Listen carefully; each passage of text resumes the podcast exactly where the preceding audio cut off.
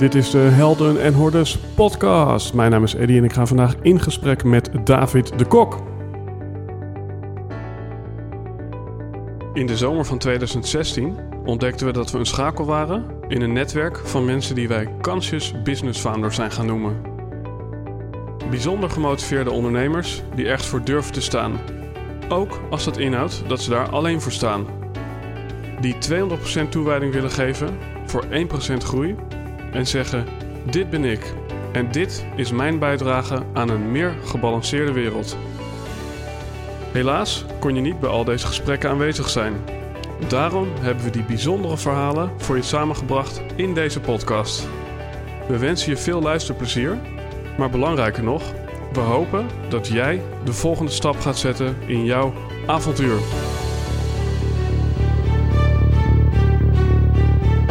Alright, ladies and gentlemen, het symbolische seizoen 2 van Helden en Hordes is hiermee officieel ingeluid. Ik ben een tijdje van de radar geweest met mijn team, maar niet omdat we stil hebben gezeten, want ik heb een hele toffe samenwerking met een popzaal hier in de omgeving. We hebben een hele toffe samenwerking met de bibliotheek voor nog meer live shows. En er staan een aantal hele toffe gasten op de lijst. En we hebben ook qua setup en gear weer een hele stap vooruit gedaan. En hoe leuk is het om af te trappen met niemand minder dan David de Kok. Misschien ken je hem van 365 dagen succesvol, wat hij samen met Arjen Vergeer oprichtte. En hun missie mag duidelijk zijn: Nederland het gelukkigste land ter wereld maken. En de cijfers, dames en heren, die liggen er ook absoluut niet om. Zo'n 70.000 exemplaren van een boek zijn inmiddels verkocht. En ook zaten er zo'n 1200 mensen in hun jaarprogramma en kregen ze al honderdduizenden views op hun online masterclasses. En daarnaast faciliteert David zweethutceremonies onder de naam Eagle Lodges. Wat dat is? Nou, het is eigenlijk een eeuwenoude traditie waarbij je samen met anderen in een hut gaat rondom verhitte stenen. Vervolgens wordt er een emmer met water naar binnen gebracht en wordt de deur tussen aanhalingstekens met een deken afgedekt waarna de ceremonie kan beginnen. En tijdens zo'n ceremonie kun je weer bewust worden van wie je werkelijk bent en kom je tot de mooiste inzichten. En dames en heren, in deze podcast gaan we wat dieper in op dat stukje bewustwording, zodat jij je bewuster wordt van de vijf bewustzijnsniveaus en wat die voor jou kunnen betekenen. Ladies and gentlemen, David de Kok. Oké, we zijn los. Zo, David. Het is uh, ongeveer een decennium geleden dat wij uh, ook samen hebben gewerkt, als we dit werken noemen tenminste. Ja, dat kan je zeggen, ja. Mooie tijd. Yes. Mooie dingen. Um, voor de luisteraar even kort, dat was inderdaad de vooravond een beetje van 365 dagen succesvol. Uh, waarin uh, ik mocht ondersteunen bij het uh, neerzetten van de website. En sindsdien ja, zijn onze wegen een beetje gescheiden. Na een aantal jaar intensief samenwerken. maar ik ben je nooit uit het oog verloren. En zo was het twee weken geleden dat ik in mijn nieuwe woning was. En toen ja, kon ik eigenlijk uh, concluderen dat, ja, dat ik niet voor die woning gekozen had, maar dat die woning voor mij gekozen had. Omdat ik merkte, um, ik stond daar, ik was ja, de derde be bezichtiger, maar uh, ik voelde toen al deze woning is van mij. Ja, en niet snel daarna bleek dat de nummer 1 niet kwam opdagen en de nummer 2 afzei. Uh, en toen was het inderdaad voor mij. En toen werd ik eigenlijk aan alle kanten gedragen door mensen die mij hielpen met het klussen. Zelfs als ik niet thuis was, dan uh, werd er, uh, zonder dat we dat hadden afgesproken, doorgewerkt. Um, en toen hoorde ik jouw verhaal. En misschien is het goed om daar eventjes te starten. Het verhaal van Eagle Lodges. Wauw, het verhaal van Eagle Lodges. Nou, Hoe dat je, ontstaan is. Je, je overvalt me. van 365 dagen succesvol het begin naar de Eagle Lodges. Wat nu zo'n beetje uh, een van de belangrijkste dingen is in mijn leven. Um, en, en wat specifiek wil je dan weten? Want ja, het kan een heel nou, lang verhaal worden. Ja, dan precies. we in één keer vol met de hele podcast. Uh, wat mij triggerde was dat je aangaf... Uh, ja, dat, ja, misschien dat die plek ook voor jou gekozen had. En dat je misschien nooit voor mogelijk had gehouden... dat je een eigen locatie kon ontwikkelen met mensen om je heen... om zweethutceremonies te doen. Mm -hmm. Maar dat is op een bepaalde manier ontstaan, zou je kunnen zeggen. Nee, en hoe je het uitlegt, lijkt er een verschil te bestaan tussen de ander, in dit geval de plek, en Mm. jij. En zoals je het dan doet voorkomen, of in ieder geval zoals ik het denk te begrijpen, is dat jij ergens voor kunt kiezen, maar dat ook in jouw woorden de plek ergens voor kan kiezen. Ja, Of ja, precies. Dan gaan we meteen al heel erg de diepte in, denk ik. Ik hou daarvan. Nee, maar je snapt wat ik bedoel, toch? Dan Ja. zijn het twee dingen. Want voor je het weet ga ik een soort van dat gedachtegoed uiteenzetten door het voorbeeld geven wat ik heb meegemaakt. En Ja. ik kijk er iets anders tegenaan. Vandaar dat, het, dat ik dat Mhm. nog even aanstip. Want volgens mij zijn dat geen twee verschillende dingen. Maar Mhm. daar komen we ongetwijfeld nog over te spreken. Eh, het is zo dat ik ehm, eigenlijk ook in de beginfase van 365 dagen succesvol enorm verslingerd ben geraakt aan de zweethut. Dat klopt. Maar vooral om de zweethut te, te ondergaan. Dus ik ben daar bij toeval terechtgekomen. Tenminste, ik hoorde van een van mijn beste vrienden dat hij daar eh, een mooie ervaring had gehad. Nodigde mij vervolgens uit, samen weer met een andere vriend, om daar eens aan mee te doen. Dit was op een nieuwjaarsdag, een nieuwjaarszweethut, om een nieuw jaar welkom te heten. Wist ik veel wat het was, maar het triggerde mij enorm. Ik ben daar gaan zitten en heb toen voor het eerst van mijn leven gevoeld wat het is om ergens thuis te komen. En dat was ongeveer de laatste plek waar ik verwachtte ooit thuis te komen. Het is erbarmelijk warm. Het is ongelooflijk donker. Je ziet echt helemaal niks. Het is heel dicht op elkaar. Het is eh, benauwd.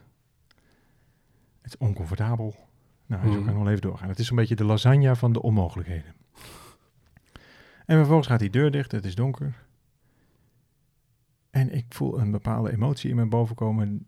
Wat eruit kwam als tranen, maar dat had, was niet van verdriet. Maar het was als een soort waarvan ik altijd wist dat het zou bestaan, maar nooit eerder ergens had gevonden. Het gevoel van echt heel diep van binnen. Nu klopt mijn binnenwereld met mijn buitenwereld. Nou, en later begreep ik pas dat dat te maken had met dat ik nergens meer naartoe hoefde. Ook nergens meer vandaan hoefde te komen om ergens te mogen zijn. En veel mensen identificeren zich met hun diploma's bijvoorbeeld, of met hun achievements, of met de dingen die ze nog van plan zijn te gaan doen.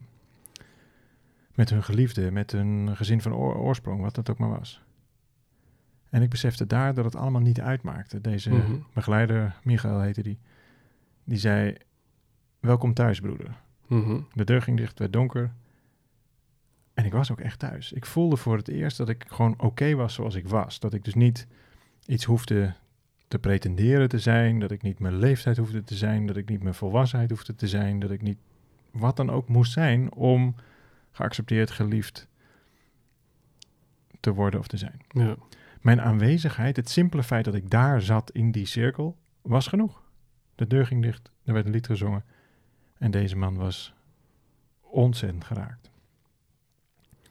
Daar volgde een traject uit van jaren enorm genieten van dat zweetritueel en nooit de intentie gehad om dat überhaupt ooit zelf te gaan geven. Ik vond het heel fijn om ergens gewoon onderdeel van te zijn. Ik heb me later ook aangesloten bij een, eh, ja, soort, soort extended family. Een groep mensen die het heel regelmatig zo doet. Allerlei vormen van ceremonies meegemaakt en daar heel diep ingegaan. Heel bewust heel diep ingegaan. Maar altijd gewoon als deelnemer. En toen was het weer diezelfde vriend die me ook had uitgenodigd op die 1 januari. Die op een gegeven moment zei, ik heb nou zoiets gaafs gezien. Er is een gozer die doet heel ander soort zweethutten. Maar die organiseert een eh, initiatietraject voor, eh, voor watergieters. Dan kun je zelf watergieter worden. Ik zeg, nou vriend, ik heb daar helemaal geen enkele behoefte aan. Maar ik vind het wel heel leuk om heel veel in de zweet te zitten. Dus weet je wat, ik schrijf me ook gewoon in voor die, voor die training, voor die initiatie. Dan hebben we vier dagen achter elkaar onwijs veel zweten. Dan kwamen natuurlijk allemaal mensen dat leren. Dus ja, ze hadden ook proefpersonen nodig. Dus ik denk, nou, dan ga ik gewoon lekker in die zweethut heerlijk gewoon daar het broederschap en het zusterschap vieren. Door simpelweg aan- aanwezig te zijn. Dus ik heb dat vier dagen gedaan. En op die laatste avond, toen was iedereen geweest. En toen vroeg die, eh, die chief, die vroeg... David, zou je ook een eh, lepel water willen gieten? Zou je een emmer willen pakken en, eh, en ons ook gewoon eens mee willen nemen in hoe jij dat ziet? En ja, nogmaals, ik had daar geen enkele intentie in. Maar ja, je weigert ook niet een lepel water. Ik bedoel, dat is gewoon niet, niet het gebruik, zeg maar. Dus ja, natuurlijk wil ik ook wel een keer... Nog nooit gedaan. Dus ik zit daar in die hut, het wordt donker, die emmer water is inmiddels binnen. Ik begin dat water te gieten. En toen gebeurde dat weer. Toen voelde ik me weer helemaal op mijn plek. En toen dacht ik, ik dacht dat de hut mijn plek was. Maar toen op veel dieper niveau wist ik, hé, hey, de watergieterplek is mijn plek. Nou, de deur ging weer open. Mensen waren daar zichtbaar door geraakt. En toen was het ook wel duidelijk dat dit een nieuwe deur voor mij had geopend. Maar goed, niks vermoedend zit ik gewoon weer een paar dagen later in de auto met mijn stylisten naar een theatervoorstelling die ik aan het geven was. Ik meen dat het in Drachten was, dus het was een lange rit. En ik vertelde vol enthousiasme over dit, watergietritueel over de zweethut. En toen zei ze, David, je gelooft het niet, maar ik heb tien jaar geleden of zo een stuk grond gekocht. En ik heb daar, toen ik daar opliep, een soort visioen gehad aan het einde van dat terrein dat er een zweethut zou staan. Ik wist niet eens precies wat het was, maar jij vertelde me nu, je herinnert mij aan dat visioen. Zou je dat in mijn tuin willen bouwen? Bleek ook nog eens op 20 minuten van mijn huis te zijn. En zo kwam van het een kwam het ander. Het punt van dit verhaal is dat het zich ontvouwt. En er is een heel mooi Bulgaars spreekwoord en dat zegt: daar waar jij je voet zet, ontstaat de weg. Dus in het zetten van die stap ontstaat gelijktijdig de weg. Dus ik zou niet willen zeggen dat de zweet het mij gekozen heeft. Ik zou het heel mooi vinden, maar daarmee leg ik ook heel veel autoriteit bij, buiten Ja. mezelf. En ik zou ook niet zeggen dat het nou helemaal mijn pad was. Het was niet mijn intentie om watergieter te worden. Mhm. Maar het is die dans tussen het leven Ja, en jou, wat misschien wel het leven in essentie is. Dus daar waar ik mijn voet zet, ontstond de weg. En dan werd het steeds dieper en steeds dieper en steeds Mhm. dieper. Nou ja, lang verhaal kort.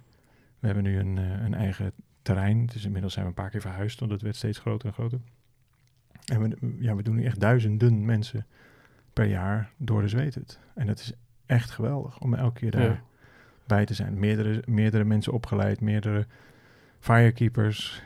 eh, ja, enorme hoeveelheden men- mensen die daar ontzettend in geïnteresseerd zijn. We doen ons uiterste best om het heel klein te houden, maar dat wordt wel hand over hand moeilijk. We zijn inmiddels op zoek naar weer een nieuw, Mhm. nieuw landje om dat, eh, ja. om dat te kunnen doen. En om in die, eh, in die dans te komen, dus of het nou jouw jouw stap is waardoor er een antwoord komt vanuit de hut, of, maar, maar om in die dans te komen, is daar een bepaalde conditie voor nodig? Volgens mij kun je niet, niet in de dans zijn. Dus geen flow is ook flow. Mhm. En dat is volgens mij een heel wezenlijk iets. Namelijk als jij denkt dat je iets moet doen om in de flow te komen, dan heb je jezelf uit de flow gehaald die al flow was. Ja, Snap je dat? Want dan ben je zelf ineens de conditie geworden voor dat stuk. ja, En ja, dat brengt natuurlijk op het thema waar ik me de laatste tijd door, door de zweet het enorm in ben gaan verdiepen. En dat is bewustzijn. En dus Ja. het, het, op het moment dat je bewust wordt van, hé, hey, dit is hoe het zich ontvouwt. En wat te gek, ik volg dat. Ik ga er dus niet mee in gevecht. Het gaat zoals het gaat. En ik beweeg daarop mee. Dus ja, ik loop en de weg ontstaat. En de weg ontstaat. En ik loop Ja. weer. En dus die dans, die- dat is het.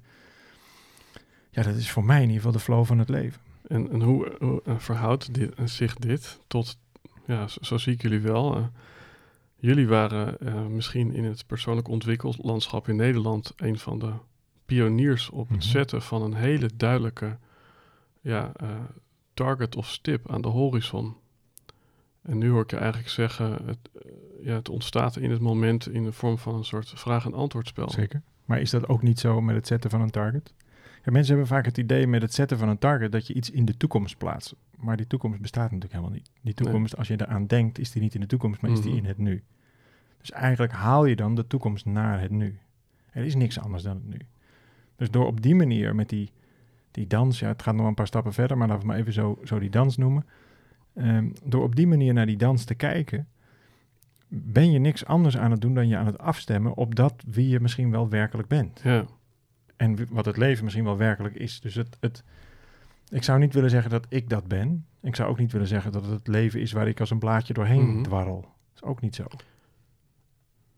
Als je me nog kan volgen. Ja, ja.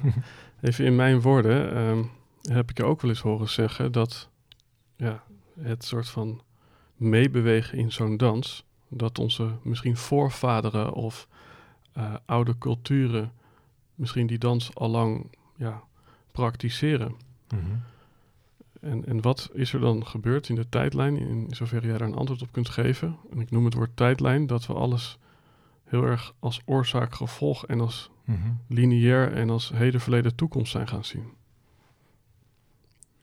Nou, dat is natuurlijk een, een concept. Het idee van het verleden is natuurlijk een concept. En het bizarre van het, en van de toekomst trouwens ook. Maar het bizarre is dat je denkt geschiedenis te hebben. Maar dat is natuurlijk maar een zeer eenzijdige kijk op de gebeurtenis. En ze zeggen toch ook wel eens, de, de, degene die de oorlog won, schrijft de geschiedenis. En die bepaalt namelijk wat er in de geschiedenisboekjes komt. En dat wordt vervolgens herhaald. En wij denken dat dat de geschiedenis is. Maar zo is het natuurlijk helemaal niet gebeurd. Alleen dat is een generatie die dat heeft opgeschreven. Meestal Mhm. de winnaar. Dus die, die schrijft natuurlijk maar een heel eenzijdig beeld van de geschiedenis. Terwijl, ja, zo is dat natuurlijk helemaal niet gegaan. Dat is, dat is maar een manier van nou ja, waarnemen. En, Mhm. en daar zit ook meteen de onzinnigheid in. En voor de toekomst geldt misschien nog wel meer hetzelfde, want de toekomst is namelijk nog nooit gebeurd. Dus dat hele idee van heden, verleden, toekomst bestaat alleen maar in het heden. Dus het is een projectie van uit het nu op dat wat er nou ja, in een verhaallijn gebeurd zou kunnen zijn. En over de toekomst minstens net zo. Maar eh, schijnbaar, eh, ja, hè, er zijn misschien wel hele systemen gebouwd op het concept heden, verleden, toekomst. Mhm. Eh, schijnbaar dient het een doel, of, of denken wij dat het een doel dient. Nou, daarmee kun je een aantal dingen duiden. En het is natuurlijk wel zo dat het helpt dat je ehm, je beseft dat je uit iets voortkomt. En dus als je puur kijkt naar ehm, evolutie, dan en, en je, zou, je kijkt niet naar het individu. Nou, nu gaat het gesprek een beetje de andere kant op, maar dan gaan we een beetje richting dat, dat non-dualisme van, of non-dualiteit van, Mhm. van er kan geen dochter zijn zonder moeder. Dus ja, je Mhm. kunt het wel dochter noemen, maar ja, ze zijn zonder elkaar niks. Dus je kunt eigenlijk nooit één ding uit zijn context halen. Dus je hebt ze eigenlijk altijd allebei te beschrijven, maar ga dat maar eens doen. Ga ze dat maar eens allebei zien. Want ja, voor die moeder gold namelijk weer hetzelfde. Zij kan niet moeder zijn als zij niet een moeder had gehad. Mhm. En by the way ook een vader. Et cetera, et cetera. Dus op het moment dat je dat doet, weet je, iets uit zijn context haalt, haal je hem ook meteen bij de waarheid weg. Bij Ja, de werkelijkheid weg. Want dat kan namelijk helemaal niet. ja, en, dat, en dus is het een illusie. ja, Je bent niet een eenling, dat bestaat niet. Je bent ook de lucht die je inademt, je bent dat wat je creëert. Je bent veel meer dan jouw naam, dan jouw verschijning, dan et cetera. Nou, als je dat weer in zijn context plaatst, dan zie je eigenlijk dat we veel meer één groot uitdijend geheel zijn met Ja. elkaar. En dan wordt het ook veel interessanter van, vind Ja. ik zelf. En het grappige is dat eigenlijk, naarmate we ook bijvoorbeeld in- de politiek dingen proberen te duiden of te begrijpen of te conceptualiseren, dat we daarin misschien met al onze energie een poging doen om de waarheid vast te leggen, maar misschien juist het tegenovergestelde manifesteren. Ja, en daar kom je eigenlijk op een ehm, op het groot menselijk onvermogen, is dat we het willen controleren. Of dat Ja. we het willen begrijpen. En precies in het tegenovergestelde zit de oplossing. Ja, En dus op het moment dat je kijkt, eh, Rutger Bregman beschrijft dat fantastisch in zijn, eh, in zijn boek. Dat is absoluut de aanrader voor iedereen. Ik zou zeggen verplichte kost. Eindelijk is een hi- historicus die, die ook het andere verhaal durft te vertellen. Een heel waardevol boek. Niet dat dat dan per se de nieuwe waarheid is, maar het geeft zo'n ander licht over dat wat we altijd dachten. En een van de dingen die hij eh, benoemt is dat politieke systemen nodig zijn bij groepen boven de 100 mensen. Dus zodra je eh, ineens vee gaat houden, een hek eromheen moet zetten, bestolen kan worden, ja, dan is het ook fijn als iemand zegt, ik bescherm je wel. Nou, als je, betaal je dan wat voor. En op een gegeven moment is dat een business. Dat betekent dat je ook wapens moet hebben. Dat betekent dat je ineens, nou ja, et cetera, et cetera, et cetera. En op die manier ontstaan er dus nou ja, bewapende dorpen, bewa- be- be- bewapende steden. Dan zijn er op een gegeven moment landheren die dan roepen, nou weet je wat, wij regelen dat wel. En bewerk jij dan het land en wij beschermen jou wel. Dus je ging ineens beschermingsgeld betalen. Nou moet je nou eens voorstellen dat we die, we- die, dat we die weg nooit waren ingeslagen. ja. Gewoon nomade volken.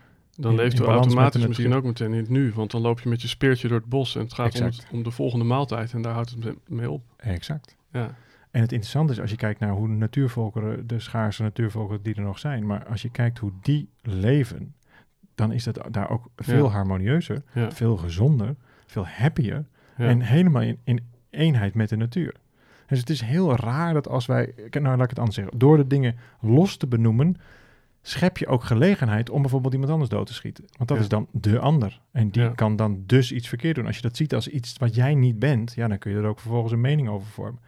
Terwijl op het moment dat je gaat beseffen, wacht eens even, dat is eigenlijk gewoon een onderdeel van mijn, van in ieder geval Mhm. van mijn wereld. Namelijk, jij, jij neemt het waar en daarmee is het onderdeel van jou, namelijk Ja. van jouw wereld. Het is vrij onzinnig om daar dan op te gaan schieten, dat gaan proberen te beheersen, eh, te controleren, noem maar op. Ja. Wat ik eh, daarin ook een mooie vind, ik heb eh, voor het gemak in, ja, toch wel ook een, ik noem het een transitiejaar, maar weer een bijzonder jaar, heb ik de Alchemist er voor de tweede keer maar weer eens bijgepakt. Maar wat, ja, zoals ik het zie, wat de Alchemist ons leert en wat misschien een mooi boekje, Jonathan Livingston Seagull over een zeemeeuw die eigenlijk ja, boven zichzelf uit wil vliegen. In beide verhalen zie je eigenlijk een portret van iemand die niet weet ja, wat, eh, waar, waarom hij hier is, wat zijn functie is. eh, waarnaar die letterlijk op reis gaat. En erachter komt dat de schat eigenlijk in de achtertuin lag. En nu hoor ik het je eigenlijk ook weer zeggen. Die oude culturen, die, eh, nou die, die hebben eigenlijk met het hele primitieve bestaan... hebben ze eigenlijk misschien meer rijkdom dan, dan wat wij af en toe hier allemaal proberen. Maar ze hebben in ieder geval de essentie van het leven te pakken.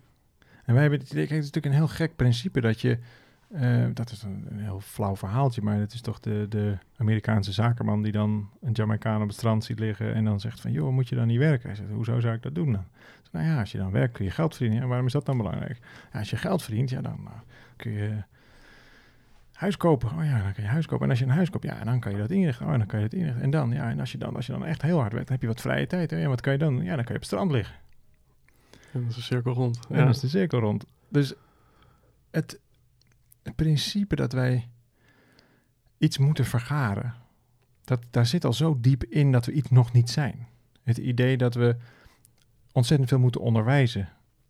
De- Mijn, mijn dochtertje schreef het vandaag heel mooi in een poesiealbum op van een vriendinnetje, wat ze vlak voor het einde van het schooljaar nog terug moest schrijven. En toen stond de vraag op, wat wil je worden? En toen schreef ze op mezelf. Wauw, ja.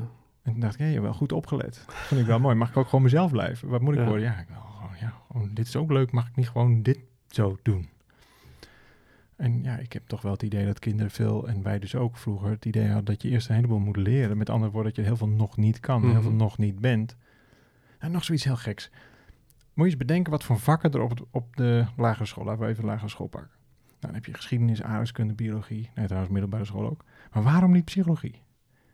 Waarom wordt er geen psychologie gegeven op school als vak? Dat is toch ontzettend bizar. Mhm. Als je iets wil, wil leren over een duurzaam gelukkig leven, wat je zelf vormgeeft, wat je creëert, maar überhaupt hoe, hoe relaties werken, hoe de psyche van de mens werkt, dat is toch minstens net zo interessant als Ja. dat je weet waarom een, waarom een appel naar beneden valt en in welke snelheid. En, en, en hebben die oude culturen dit dan geleerd? Nou, ze leven dat. Ja. Kijk, de, beste leeftijd om, om iemand biologie te leren is rond een jaar of vier. Waarom? Dan gaat hij ook wat, wat verder het dorp uit en dan moet hij ook de gevaren herkennen. Herkent hij ook het beste de kleurverschillen, dat soort dingen. Dus een, een vak als biologie gaat er het beste in op hele jonge leeftijd. Maar een vak als cultuur, ja, daar, dat gaat er weer veel beter in na de twintig pas. Dan krijg je een beetje interesse, als je dat al überhaupt al krijgt, voor kunst en weet ik veel wat. ja. Wij, proberen het allemaal met een soort kolenschop erin Ja, te duwen. ja. Voor talen geldt precies hetzelfde. Talen komen een soort van bovenborrelen. Dus als je nou talen wil leren, begin er dan op, op, op, op- echt op hele jonge leeftijd mee. Dan heb je daar superveel aan. Maar ga er nog maar eens Frans in proberen te, te, Mhm. te, te duwen vanaf je dertiende. Dus er zit zoveel onzinnigheid in hoe wij ehm, eh, kinderen helpen, het denken te moeten helpen om later in een wereld die we helemaal niet kunnen overzien, zich staande moeten houden. Ja, dat vind ik wel schrijnend. Ik vind het echt heel pijnlijk om te zien dat we dat nog steeds zo doen. En als je dan kijkt naar die oude cultuur, ja, dat is veel meer. eh, ja, in, in Lakota hebben ze daar een mooie. ehm, ik kan niet zo heel goed Lakota, maar de zin is volgens mij iets als Cole le celole.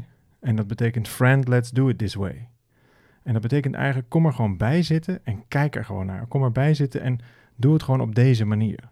En op het moment dat je die manier onder de knie hebt door er naar te kijken, door erbij te zijn, dus niet door het te onderwijzen, maar gewoon door mee te doen. Als je dat onder de knie hebt, voeg er dan iets aan toe of ga haal er dan iets van af. Maar niet daarvoor. Nee.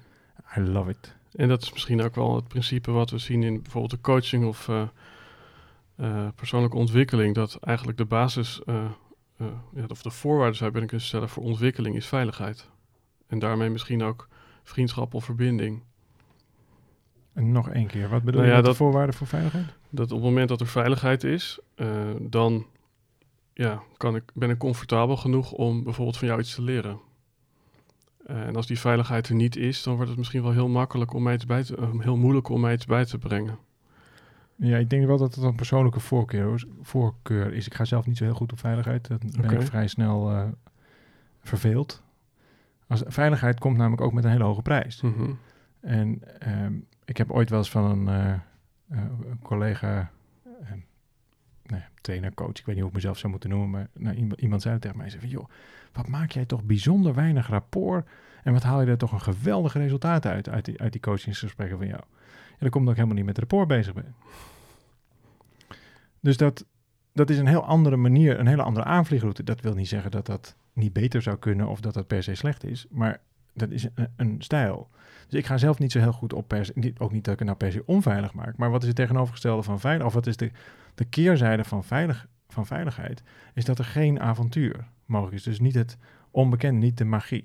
Zoals veiligheid een voorwaarde is, leer je denk ik het minst. Ja, Terwijl op het moment dat wij Ja. zeggen, kom, we gaan op avontuur, dan wordt het iets heel anders. Ja, Als veiligheid een voorwaarde is, dan is vertrouwen staat achteraan in de rij.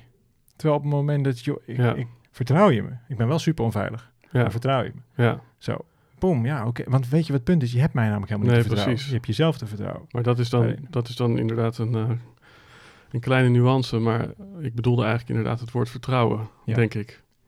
Ja, en het vertrouwen gaat nooit naar een ander.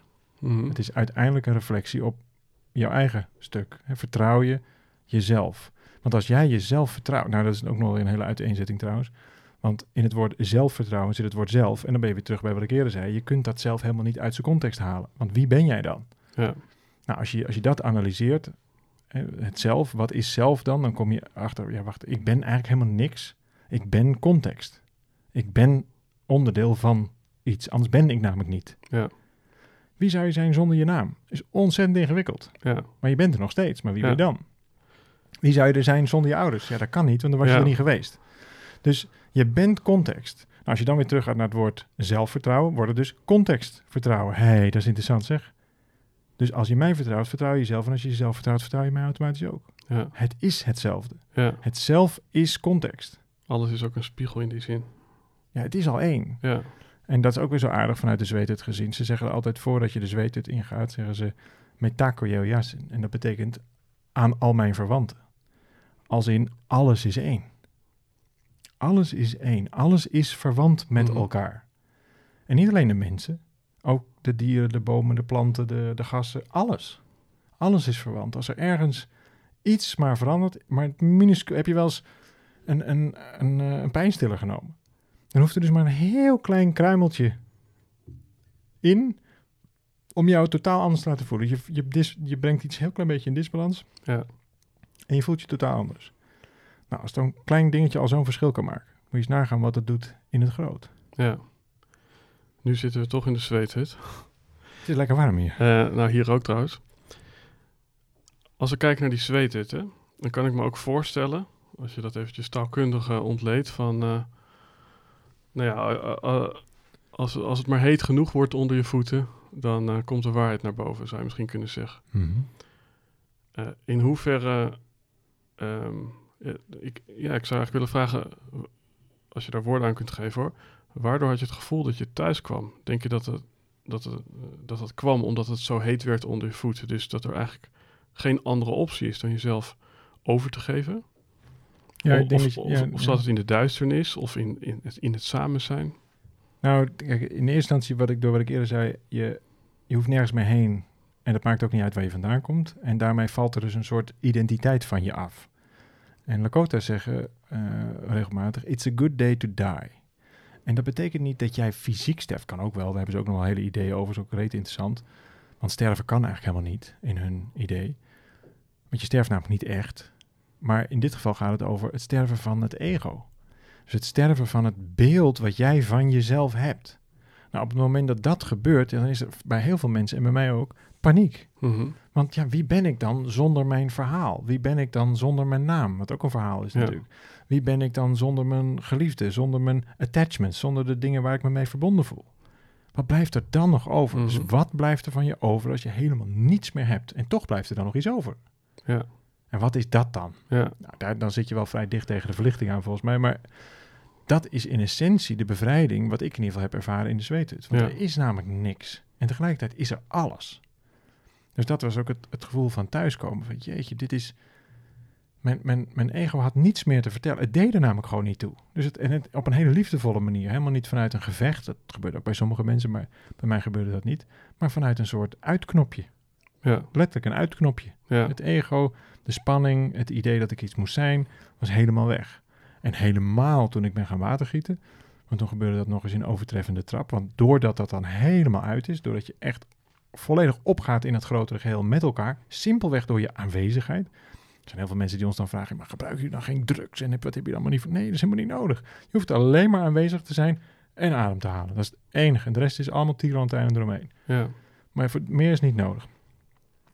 En toen ben ik gaan watergieten. En dan vervolgens zitten in die, ja, wij noemen dat sacred spaces, in die gewijde ruimte die ontstaat, in die dimensie die een soort van open gaat.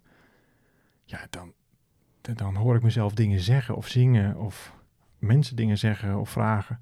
Dat is zo magisch, het is zo helend ook. Omdat Zijn die- dat dan ook dingen die je later bijvoorbeeld zou willen noteren? Of doe je dat? Of, of is het gewoon in het moment en het is goed? Nou, het is sowieso in het moment en goed. En het is ook heel interessant om dat dan vervolgens schriftelijk op te noteren. Dat is natuurlijk prachtig. Kijk, ik, ik, eh, ik schrijf er momenteel een boek over.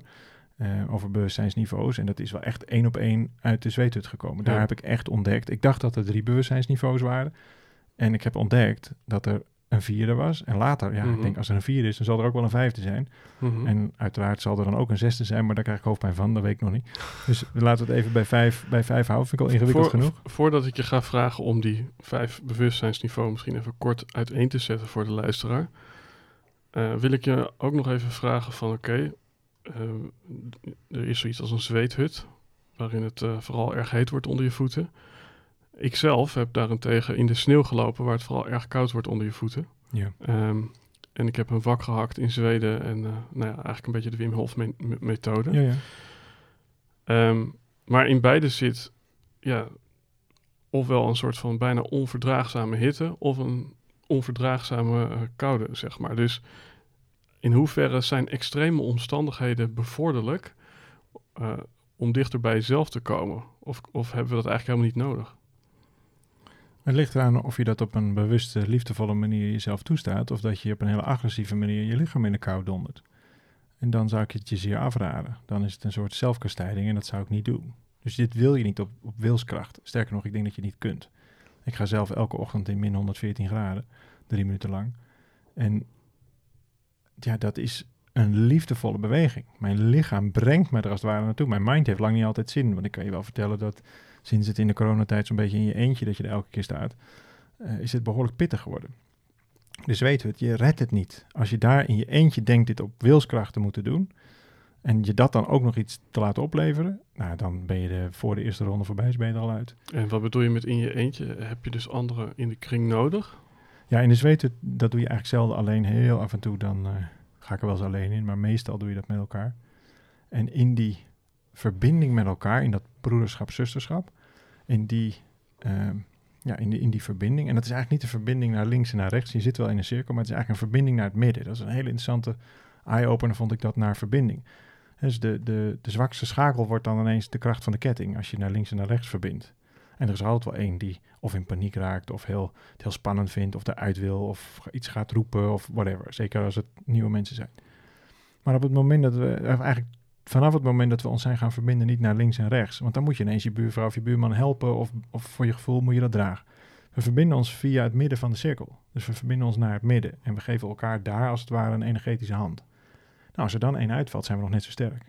En sterker nog, kan degene die eruit valt weer terugkomen bij dat midden. Dus als iemand het zwaar heeft, zing ik een lied. Ja. Als iemand verdrietig is, zing ik nog wat harder. Dus ik ben met je, Mhm. maar ik draag het niet voor je.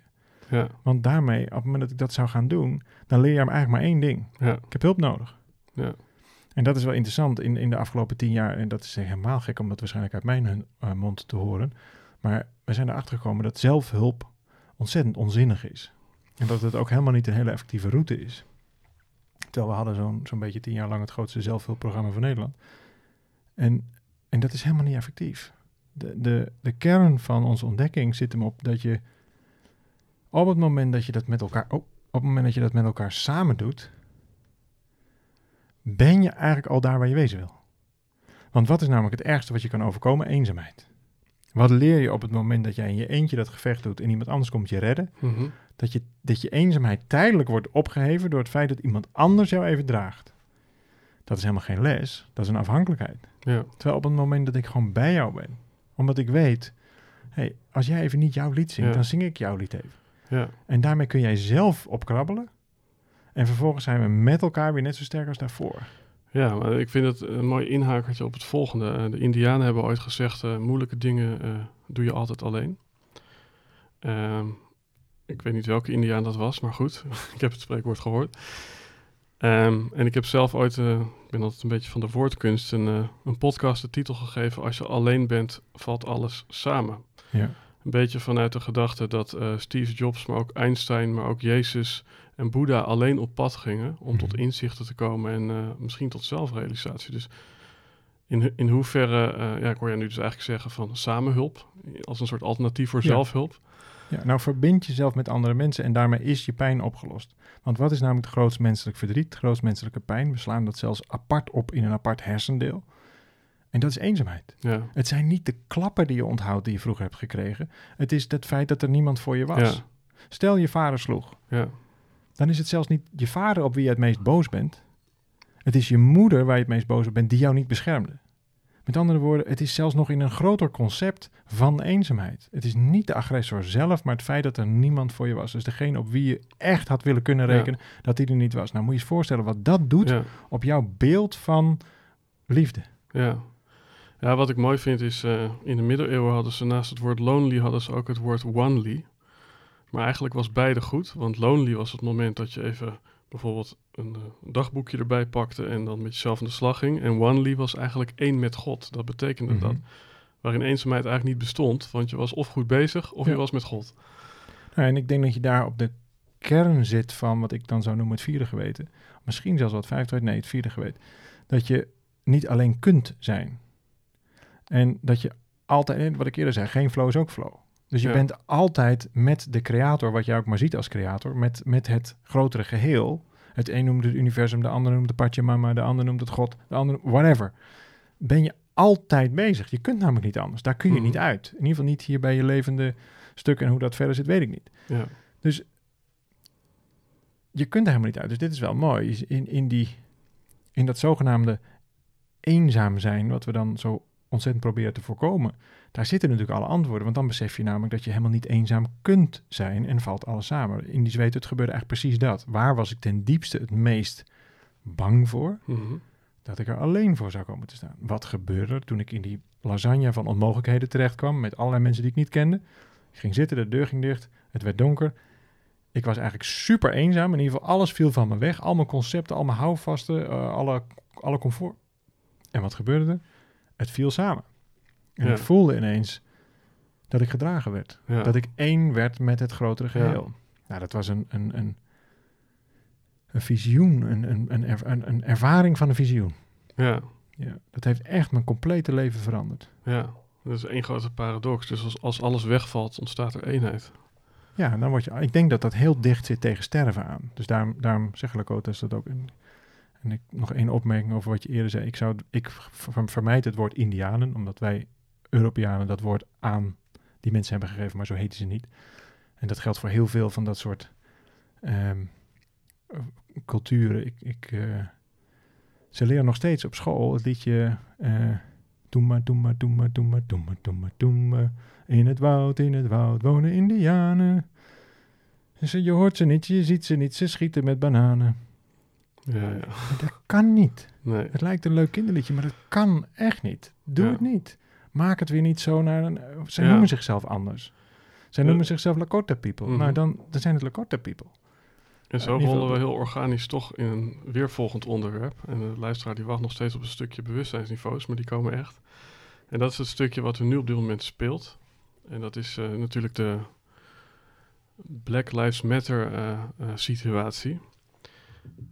Hoe verhoud jij je tot wat er nu in de wereld gebeurt? Hè? Dus dat aan de ene kant een groep mensen de dam op gaat en eh, ja, je kan zeggen het opneemt voor de, voor, eh, de Black Lives, zeg maar. Ehm, en dan heb je ook een groep die zich daar misschien tegen afzet. Maar hoe, wat, wat, zie jij dat er gebeurt en hoe verhoud je je daartoe? Nou, in, in zover, ik heb, daar, ik heb daar wel heel diep over nagedacht. Want we kunnen hier natuurlijk allemaal hele brave dingen van vinden. En dan kunnen we, je hoort natuurlijk ook de ene er over de ander heen vallen en ineens sorry roepen en zo. Dat is ook hartstikke goed hoor trouwens. Dat kun je niet vaak genoeg doen. Maar er zit natuurlijk op veel dieper niveau nog iets veel ernstigers mis. Want als je, eh, kijk, ik ben niet zo van de erfzonde. Dat is, ehm, dat, dat, daarmee doe je, eh, zet je iemand natuurlijk ook in een, in een hele gekke hoek. Maar er is natuurlijk wel zoiets als cultuurzonde. Er zit in onze cultuur de reden waarom wij zo ontzettend rijk zijn. Waarom wij noemen het de gouden eeuw, maar als je nog, dat bedoelde ik net met de geschiedenis. Als je, Ja. als je de winnaar, voor zover je al winnaar kan noemen, maar in ieder geval degene die er het best vanaf is gekomen, die schrijft de geschiedenisboekjes. Ja. Wij noemden het de Gouden Eeuw. Nou, ik denk toch in het licht van een aantal mensen die uit wat andere werelddelen kwamen, dat het alles behalve de Gouden Eeuw was. En natuurlijk moet je dat ook wel bekijken met de ogen van die tijd. Maar we kunnen nu kijken met de ogen van nu. En dan kun je alleen maar heel diep door het stof gaan. Kun je alleen maar heel erg niet alleen sorry zeggen, want die woorden hebben geen enkele waarde. Dan kun je alleen maar sorry doen. En dit is een van de redenen waarom ik ook met zoveel eh, voorzichtigheid en zoveel eh, respect naar ook, ook de, de- de rituelen van de natuurvolkeren zijn zo'n beetje het laatste wat ze nog hebben. Sterker nog, op het doen van een zweethut stond tot de jaren zeventig in Amerika de doodstraf. Als, omdat het blasfemie zou zijn. Godslastering. Toch hebben ze het doorgezet. Vervolgens ben ik enorm geraakt door dat ritueel. Ik heb nog nooit van mijn leven een, een Lakota chief of iets dergelijks ontmoet. Het is altijd in overlevering via een Nederlandse route bij mij gekomen. Dus ik zou ook niet willen beweren dat ik op wat voor manier dan ook, op, op hun manier, zweethutceremonies geef. Ik buig ook de wilgetenen en ik leg er ook een deken overheen. Maar ik heb er een compleet eigen ding van gemaakt. En ben super humble naar hoe zij dat doen. Is het is eer- eerder van, man, sorry. En Mhm. jeetje, wat, wat, wat, d- dank je wel. Dat is het eigenlijk.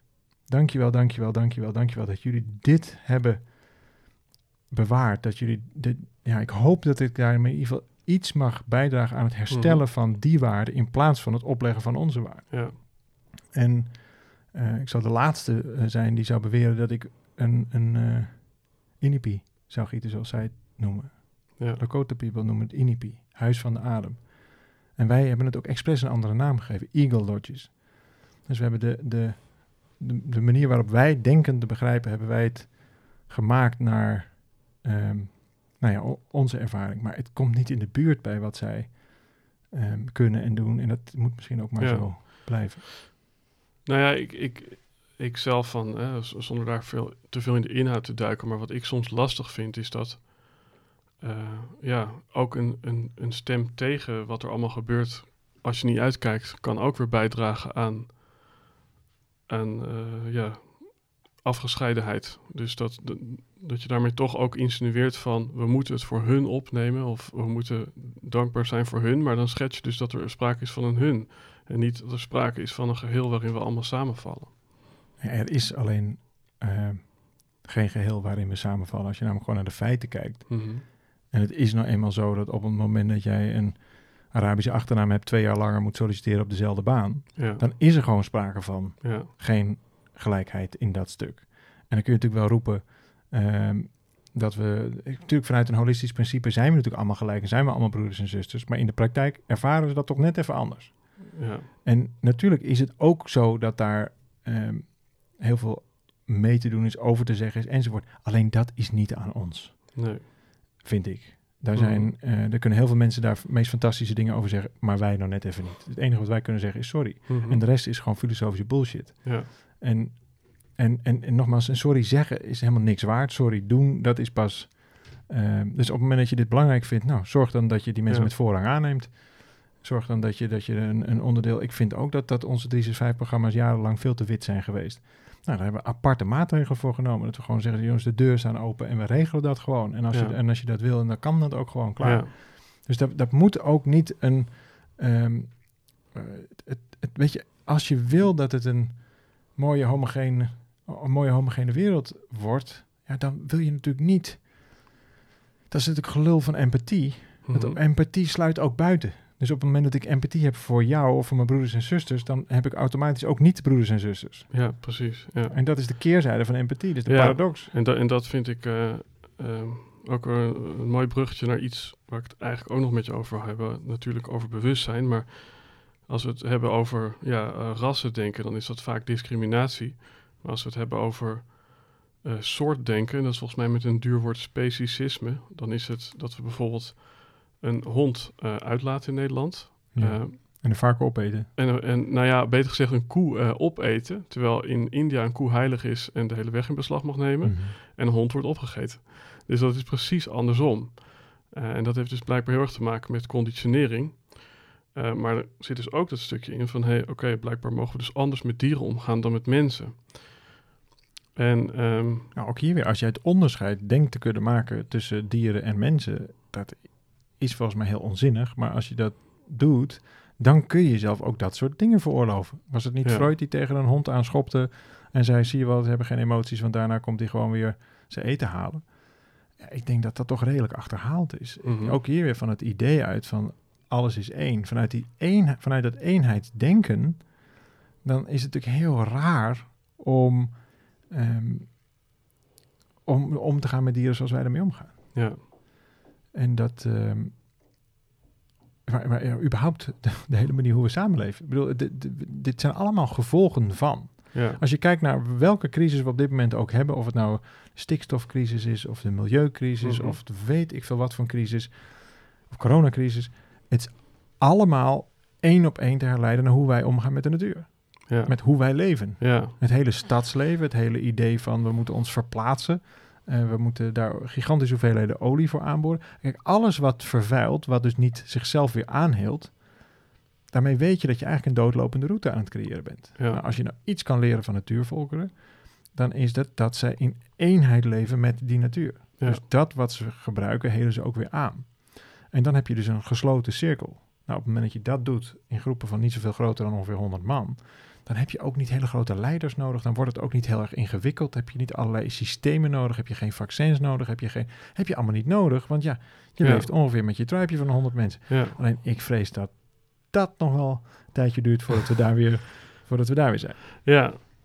En dan ben je natuurlijk zelf ook iemand, hè, eh, die misschien in de, in de ogen van sommigen, eh, inclusief eh, die van mij, dat ik dan dacht van, eh, en dan keek ik weer eens eh, op eh, de 365-pagina en denk ik zo, eerst was het AFAS, nu is het de Ziggo. En ja, dat er dan toch sprake was van, nou ja, een soort van kwantitatief, in ieder geval- het beeld, hè, een soort van, bij mij van, hey, het wordt groter, groter, groter, meer, meer, meer.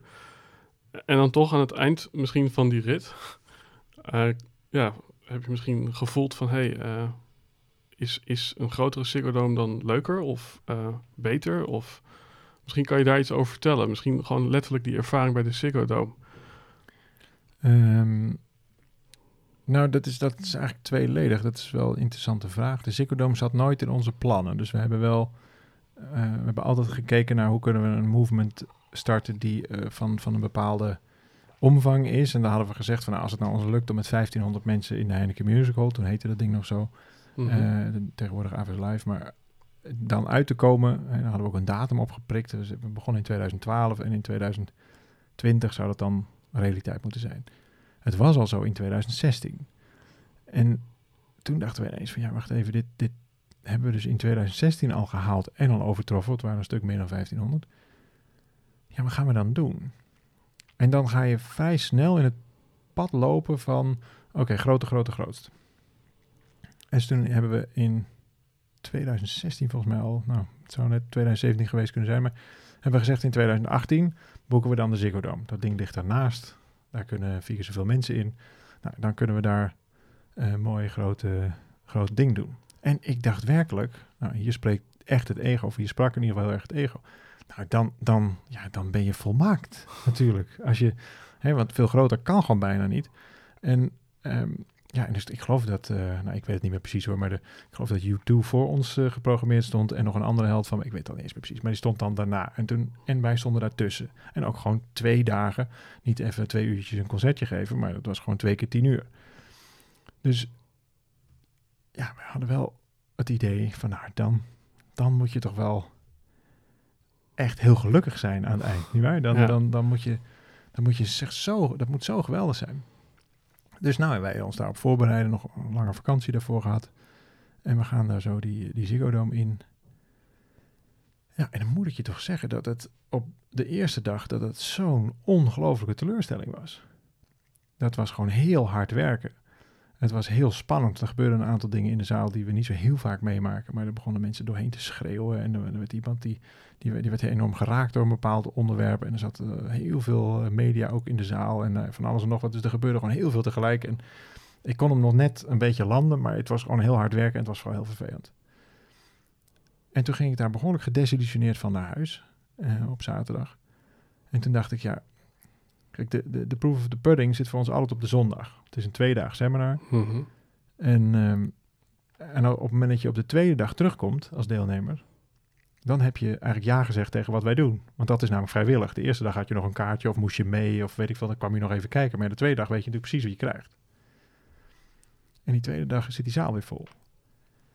En toen vlak voordat ik het podium opging, toen heb ik bedacht, oké, wacht nou eens even. Dit is zo niet leuk. Dit is zo hard werken. Dit is zo helemaal niet gelukmakend. Het is gewoon net zo hard werken als in die AVAS. Het is, ja, dit is dan echt mijn werk.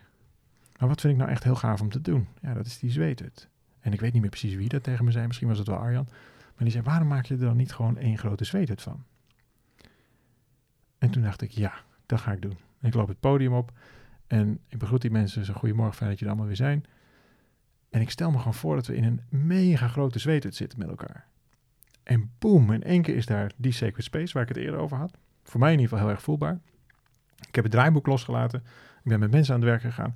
En de ene na de andere meest bijzondere gebeurtenis ontstond. Waarom? Ik heb compleet losgelaten het idee dat ik daar nog iets in moest. Dag 1 was volledig op ego. Was, dit moet ik volbrengen. Ook vanuit waarschijnlijk een bepaalde angst. Ja, we hadden het natuurlijk ook nog nooit gedaan. In ieder geval niet in die omvang.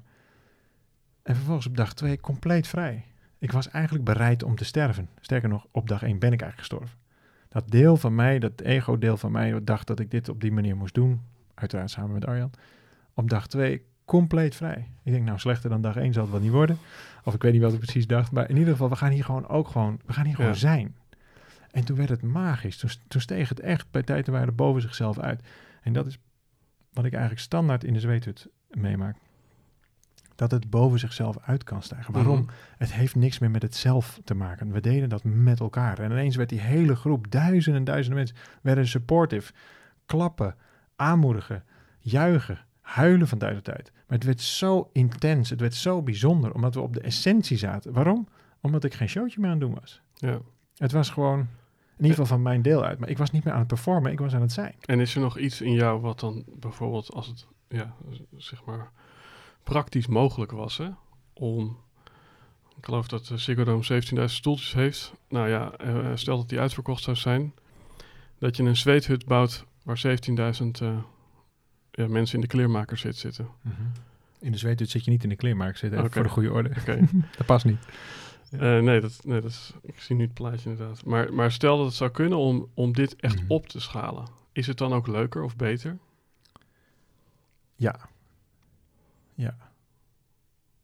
Niet omdat het groter is vanuit het ego-perspectief, maar omdat er dan meer mensen zijn die vanuit dit bewustzijn, van het eenheidsbewustzijn, Mhm. dat kunnen gaan leven. En het is alleen niet meer mijn missie om dat voor elkaar te krijgen. Dat is wel meteen heel interessant.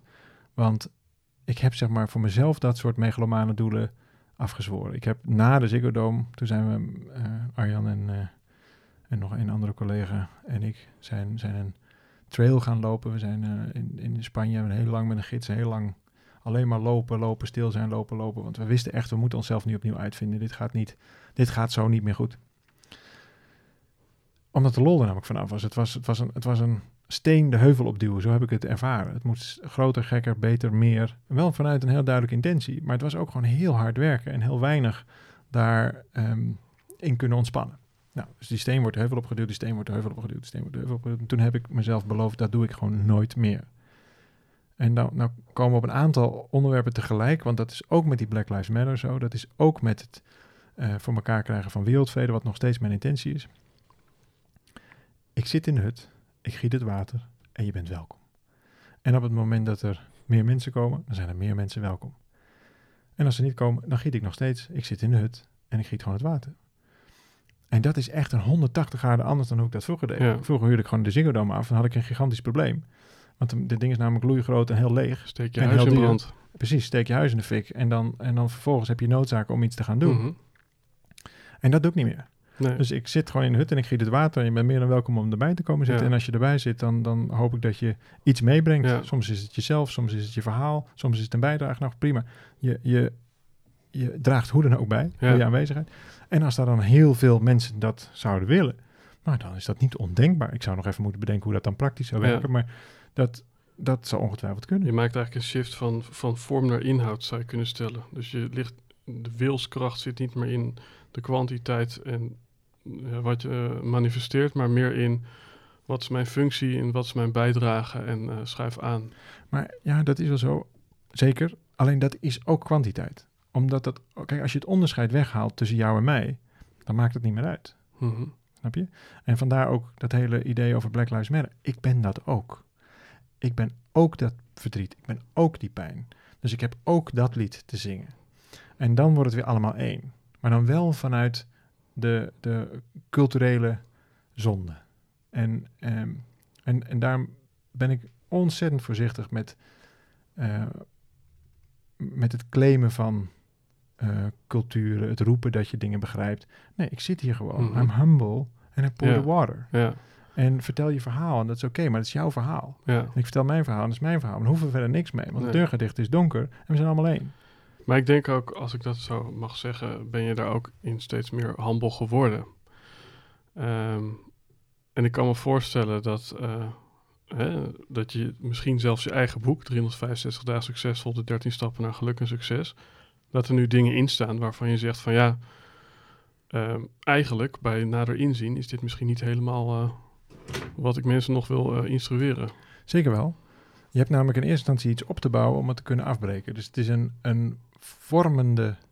eh, nee, kijk, we gaan het denk ik nog hebben over de bewustzijnsniveaus. Ja. Ik vermoed het. Ja. Ik heb het gesprek een paar keer op proberen te brengen. Dan heb je het een paar keer weggehaald en nu ga ik het nog een keer proberen. En de, de 13 stappen hebben heel duidelijk te maken met het ontwikkelen van het derde bewustzijnsniveau. Ja, En de meeste mensen zijn in het tweede bewustzijnsniveau blijven precies. steken. Ja, verlangen, ja. Dus het, precies, dus op het moment dat je vanuit verlangen ontdekt, ik ben een zelfcreërend wezen, Mhm. zodra ik mijzelf dus ertoe zet om die stap te zetten, ontstaat er weg. Nou, dan ben je aangekomen in het derde geweten. Maar op het moment dat je dan beseft, ja, maar wacht eens even, ik kan er eigenlijk helemaal niet uit. Ik ben dat altijd. Nou, dat wat je net zei, dat was prachtig. Op het moment dat je helemaal alleen bent, dan besef je dat het woord alleen eigenlijk betekent al één. En dan valt alles samen. Ja, Dat is het vierde bewustzijn. Nou, op het moment dat we daar terechtkomen met elkaar, en dat is waar ik nu duidelijk met het vanuit de zweethut, eh, vanuit daar leef, vanuit daar laat ontvouwen, dat het echt geweldig is. Dat is die dans waar we het aan het begin van het gesprek over hadden. En dan is nog zoiets als het vijfde bewustzijn. ja, Want vanuit het vijfde bewustzijn, ja, dan ben je al één met alles. En dat is eigenlijk gelijk aan sterven zonder dood te gaan. ja. En dat is een, een, een, bijna een orgasmische ervaring waar, waar, je, waar het leven, zeg maar, je, je binnenwereld over de buitenwereld heen valt. En dat zijn, dat zijn bij mij momenten. Ik zou de laatste zijn die nu zou beweren dat ik daar voortdurend ben. Maar het is wel heel erg waar ik graag, graag ben. ja. En van tijd tot tijd even ben. Waarin het helemaal op elkaar valt. Dat alles is één principe. ja. En dan kun je nooit meer ergens tegen zijn. Hoef je ook nooit meer ergens voor te zijn. Hoef je ook nooit meer ergens voor te vechten. Want alles is al één. ja. En dan kun je vanuit dat, ehm, ja, het is voor mij, het staat eigenlijk gelijk aan ademen, maar als je dat kunt ademen, als je in dat ultieme zijn Mhm. zit, wat bij mij nog in snippets gebeurt, dus af en toe is dat zo, dan hoef je dus helemaal niks meer. Mhm. En dat is zo ontzettend bevredigend, dat is echt heel prettig. Ja. Nou ja, wat, wat ik interessant vind, om, om ze even dan allemaal achter elkaar te plaatsen. Want dan heb je bewustzijnsniveau 1. Nou, misschien kun je dat zelf even delen. Het eerste bewustzijn, dat is het bewustzijn van, of laten we zeggen het impulsieve bewustzijn, we noemen het ook wel het kindbewustzijn. Dus het, het kind wordt geboren, het, Mhm. eh, het schreeuwt, het poept, het lacht, het huilt. Het is eigenlijk Ja, de emotie van dat moment. Op zich heel erg in het nu, maar heel erg impulsgedreven. Nou, in je volwassen leven ontstijg je meestal dat impulsieve stuk. Je denkt wat over de dingen na en je hebt wat sociaal gedrag ontwikkeld. Maar op het moment dat je net iets te veel drinkt, of je, je bent net even iets een te balorige bui, of je zit in een enorme sekspartij, dan kun je ook weer terug naar dat kindstuk. Dan kan het heel erg dat eerste geweten worden. Het is niet per se eh, een slecht ding, alleen dan wordt het heel erg impulsgedreven. Tweede bewustzijnsniveau is het bewustzijnsniveau waarbij je duidelijk afstemt op de omgeving. Je leert als kind, hey, ik kan niet overal maar lopen schreeuwen en kan niet overal maar mijn zin krijgen, want ik heb me in eerste instantie te gedragen. En hopelijk blijft er dan nog wat liefde over aan het einde van de dag. Dus je leert eigenlijk liefde is voorwaardelijk. Mhm. En dan ga je daarop afstemmen. En de meeste mensen blijven ook in dat bewustzijnsniveau hangen. Dus doe ik het wel goed zo. Alle vormen van perfectionisme, alle vormen van schaamte zijn eigenlijk altijd in eerste instantie geëxternaliseerd. Ja. Je schaamt je omdat je denkt dat je bekeken wordt of omdat je denkt dat je in het licht van een ander iets verkeerd doet. En schaamte ontwikkelt zich dan nog in een tweede fase. Ja. En dan vallen eigenlijk de omgevingsfactoren weg. En dan heb je schaamte geïnternaliseerd. Dan ga je je schamen voor jezelf. En dan, dan heb je een diep niveau van schaamte te pakken. Dat is Heb je wel eens eh, eh, een blik geworpen in de cursus in wonderen? Dat is een eh, heel dik boek. En daar moet ik even in mijn boekenkast kijken. Ja, Dat zou nou ja, niet zo... ehm, Eh, Het maakt ook niet uit, maar daar staat een citaat in. Dat is een vrouw die zegt dat, je, dat ze ooit gechanneld heeft en allerlei citaten ingegeven kreeg. mhm. Maar er staat een citaat in: De enige functie die ik heb, is de functie die mij gegeven is. Eh, nou ja, dat is vrij spiritueel misschien. Maar het interessante is van, oké, bewustzijnsniveau 2. eh, dan heb je dus een omgeving en die vraagt misschien iets van jou. Mhm. Maar ik denk niet dat ze in dat boek bedoelen. eh, dat je dus u vraagt, wij draaien moet toepassen en moet luisteren naar ja, wat je omgeving nou allemaal van je verwacht. Nou, je wordt er in ieder geval niet zo gelukkig van. Dus in dat tweede bewustzijnsniveau leer je wel sociaal te gedragen. Ze noemen het ook wel het sociale geweten. En als je hebt Mhm. het kindgeweten, dus het impulsieve geweten, dan heb je het tweede geweten, het tweede bewustzijnsniveau, je omgevingsgeweten. Hartstikke nuttig. Mhm. Ik bedoel, het feit dat wij hier een beetje een normaal gesprek kunnen voeren, is, is ook dat ik me afstem en me een beetje normaal gedrag en je netjes wat water aanbiedt toen je hier binnenkwam, et cetera, toch? Dus dat, dat heeft er allemaal mee te maken. Ook als ik er even geen zin in Ja. zou hebben of whatever. Ja. Maar op het moment dat jij de hele tijd je kindertekening ophoudt, papa, papa, doe ik het nog wel goed zo. Mhm. En dat is later gewoon je werkgever geworden of dat is je gedrag naar alles en iedereen. Ja, dan weet je één ding zeker, jouw leven is nooit begonnen. Dus je bent nog steeds aan het voldoen aan de normen en waarden van je omgeving in plaats van te ontdekken, hé, wat zijn die eigenlijk van mezelf? Ja. Nou, dan gaan we maar een bruggetje naar het derde geweten. Dat is ook waar 365, daar begint het natuurlijk ook met een 3, denk ik. En eh, 365 om de hoek komt kijken. Dat is echt wat we de afgelopen tien jaar hebben gedaan. Is mensen laten zien dat er zoiets bestaat als het zelfcreërende stuk. Nou, en, dan, en wij noemen dat je hogere zelf. Maar het is eigenlijk het schone stuk van het eerste en tweede geweten samen. En dus je, je hebt Ja. nog steeds die impuls, alleen noemen we dat dan intuïtie. En je hebt natuurlijk nog steeds ja, een, een, een wereld waar dat dan in te plaatsen is. Dus het is nog steeds omgeving en intuïtie, maar dan vanuit jou. Nou, Ja. het we zeggen dat is dan je hogere zelf, je intuïtieve ge- geweten. Op het moment dat je, nou ja, jij noemde dat net met je huis bijvoorbeeld, je wist al dat is eigenlijk mijn plek. Ondanks dat het volstrekt ondenkbaar was dat het jouw plek zou zijn. Wij zouden dat noemen je intuïtieve weten. Op het moment dat je gaat samenwerken met je intuïtieve weten, dan ontstaat er een heel ander soort leven. En en in, in, in de mensen die wij in ieder geval de afgelopen jaren hebben begeleid, en ook een heel veel leuker leven. Het gevoel van, hé, hey, mijn leven is eigenlijk pas begonnen sinds ik ben gaan luisteren Ja. naar mijn innerlijke stem, in plaats van naar al die stemmen die ik heb geïnternaliseerd, waarvan je Ja. bent gaan denken dat jij dat bent. Dus de stem van vader klinkt vaak harder dan je eigen innerlijke stem, of de stem van moeder, of de stem van partner, of de stem van je kinderen. Maar dan is er nog zoiets als je vierde geweten. En dat is eigenlijk niks anders dan mensen die vanuit dit principe gaan samenwerken. Alleen dan komt iets interessants om de hoek, want op het moment dat mijn hogere zelf nou dit zegt en jouw hogere zelf dat, dan zouden we zomaar weer in een ego-strijd terecht kunnen komen. En dan ga ik me of aanpassen aan jou, zit ik weer in mijn tweede geweten, of jij aan mij. Nou, dan zitten we in ieder geval allebei niet Mhm. waar we wezen willen.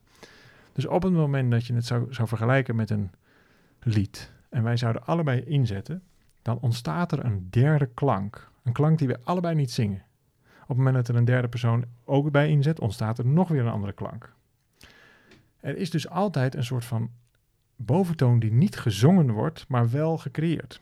Daarom houden we zo van een heel orkest wat samen muziek maakt. Daarom houden we überhaupt van muziek, omdat er allerlei klanken ontstaan die we zelf niet kunnen maken. Dat is die resonantie ontstaat als meerdere mensen samen iets gaan creëren vanuit, die, vanuit het hogere weten. Eigenlijk ontstaat er dus dan een collectiever hoger weten waar ik me de hele tijd toe verhoud. Nou, dat is het stuk hoe Eagle Grounds is ontstaan Mhm. waarbij ik wel op een hele bijzondere manier op een stukje eh, grond ben terechtgekomen, maar totaal geen idee had wat ik daar nou mee moest. En vervolgens kwam een, uh, een, vader van een goede vriend van mij die zei: Joh, ik heb een hoveniersbedrijf, ik wil je wel helpen. En vervolgens kwam iemand: Ik heb nog wel een tippie. En de volgende die had verstand van dit. En de, alles is daar komen aanlopen.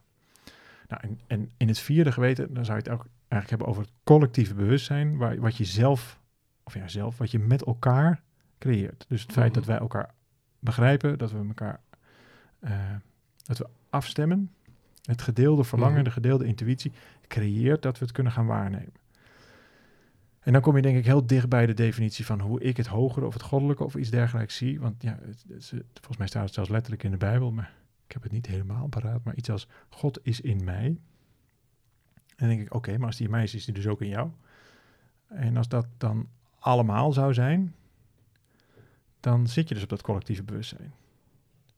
En dan is het ook heel logisch dat het meteen ontstaat op het moment dat je je daarop afstemt Ja. met elkaar. Zonder dat ik precies een plan heb. Dus je hebt wel je intentie. We hebben wel heel duidelijk het, het, ehm, het verlangen en ook het geloof. En geloof begint waar de feiten ophouden. Dus het is ontzettend krachtig. Nou, dan zit je met elkaar in dat vierde geweten. Dus het vierde geweten is het collectieve geweten. Hè, dus derde geweten hogere zelf, vierde geweten collectieve geweten. Het, het, het alle hogere zelven samen. Ja, en dan is het natuurlijk nog dat vijfde geweten, is dat je, dat je beseft dat je dat allemaal al lang was. Ja, Dat het er gewoon allemaal al lang was. Dat je zelf, die, als, je, als je echt doorkrijgt, maar dit is echt een, een ja, hier moet je misschien even, even iets langer over nadenken, maar als je echt ervaart, niet, niet doorkrijgt, dat is nog te weinig, maar als je echt ervaart dat je de creator zelf bent, maar niet alleen van jou, maar van alles, van jouw complete wereld, en alles erop en eraan en iedereen, en Ja. vice versa, jij dus ook. Ja, dan, dan is, dat is zo'n soort mind-blowing ervaring dat je, het was er dus allemaal al. ja, Het werd niet eens gecreëerd. Het was alleen nog niet gezien. ja. Nou, dat zit daar in het vijfde bewustzijn. En dat is ineens wanneer die, al die werelden, de binnenwereld en de buitenwereld, helemaal over elkaar heen vallen. Alles één wordt. En die ervaring, ja, dat is de ervaring die ik af en toe in de zweet ervaar. En, en dan eh, is het echt het einde aan elke vorm van strijd. Het einde van Ja. elk, dat is meer dan vergeving. In het goddelijke zeggen ze ook, God is eigenlijk vergeving. En, en misschien is dat wel zo. Misschien is dat wel zo. Dat het, Het interessante is dat er gek genoeg, in mijn inziens, wat parallellen zijn tussen niveau 1 en 5. Namelijk dat je bij beide niveaus eigenlijk niet meer zoveel moet en het maar gewoon laat gebeuren. alleen dan vanuit een presence. Dus je, Ja. je, het enige wat het nodig heeft, en wat in niveau 1 niet zit en niveau 5 wel, is je aanwezigheid. Dus jouw bewustzijn. Je zou eigenlijk kunnen zeggen, in niveau 1 ben je zelf nog niet bewust. Sterker nog, dan ga je af en toe bewust naartoe. Namelijk, dan ga je zo, zoveel Ja, zuipen. ja. Dat is een van de redenen waarom ik alcohol niet aanraak. Dus het, het, ik wens niet meer, in de, en zelfs een druppel alcohol doet mij al helemaal uit balans brengen. Tegenwoordig, terwijl vroeger lustte ik er wel eentje. Nog wel twee ook. Maar het idee dat je dus maar goed, mensen doen dit. Het is zelfs legaal. Je kunt het overal maar verkrijgen, wat natuurlijk Ja. een heel gek idee is. Maar goed, dan gaan we dus... eh, nou, trouwens, überhaupt. Dat is een heel ander gesprek, maar dingen verbieden lijkt me nou ook niet helemaal de route. Maar in ieder geval, dit is een soort van... Met, wordt aangemoedigd. Het is zelfs cult- cultuurmatig heel erg geaccepteerd. Het eerste, wil je wijn of bier? Eh, ja, goh. Is er nog een alternatief? Of een Ja. nulletje of zo? Ik wil niet meer terug naar het eerste bewustzijnsniveau. Ja. Want daar, dan zit ik veel meer op het niveau van driften. ja. Op het niveau van... ehm, nou dat ik zelf niet eens op een gegeven moment meer door heb wat ik nou eigenlijk doe. Ja, volgens mij is een Taoïstische uitspraak. Eerst eh, eh, waren er bergen en rivieren. Toen werd alles energie. En toen waren er weer bergen en rivieren. Dus als, als, alsof je eh, terugkeert na inderdaad bewust geworden te zijn. Maar dan wordt er opnieuw eigenlijk helemaal niet iets anders van je gevraagd. Daarna kun je misschien gewoon weer naar de supermarkt gaan en doen wat je deed. Maar wel vanuit bewustzijn. Nou, dit zit nog wel een, ander... eh, ik, denk dat ik een beetje snap wat je, wat je poogt te zeggen. Ehm, stel dat je in dat vijfde bewustzijn volledig bent. Dus in het tijdloze... eh, nou, je zou het het nu kunnen noemen. Is wat conceptueel, maar dat idee. Zou je dat kunnen vergelijken met de zon? Wat is namelijk de zon? Die is compleet zelfvoorzienend. Er heeft nog nooit iemand een blokje hout op de zon hoeven gooien. En toch, toch, toch blijft die maar branden. Nou, hoe werkt dat? Kernfusie. Dus die zit van binnen zichzelf te voorzien van het eindeloos blijven stralen van energie. Heeft de zon, stel dat dat het maximale weten is, heeft de zon enig idee wie het is? Nee. Want het dijt uit in het grote zwarte niets. Dus het heeft zelfs niet eens door dat het licht geeft. Dus dan kun je alles zijn, maar met dat, dat je alles bent, heb je geen idee meer met wat je bent. Dus wat heeft de zon gedaan in deze analogie? Die heeft haar oog gepakt, het universum ingegooid en dat zien wij dan nu als de maan. Waardoor ze een heel klein beetje het idee heeft. Ik geef licht. Misschien geef ik wel, maar in een reflectie van. Ja. Nou, Ja. En dat is met dat hele kleine stukje bewustzijn wat wij dan hebben van het hele grote geheel. We zullen daar denk ik nooit komen. Ik in ieder geval niet. Ik heb in ieder geval niet die illusie dat ik daar ooit kom. Maar in het al zit ook het niets. ja.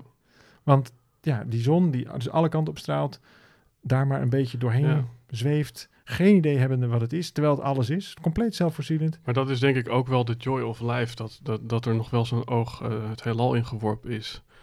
Ik heb daar met Jan Geurts over gesproken, dat eh, het gegeven dat wij ons tijdelijk eventjes identificeren met het kleurtje groen en rood op het riskbord, Ja. zorgt er wel voor dat wij vurig dat spel kunnen eh, spelen en daaraan kunnen deelnemen. Ja. Totdat we eruit liggen en dan zakken we heel snel af naar een soort toeschouwerniveau.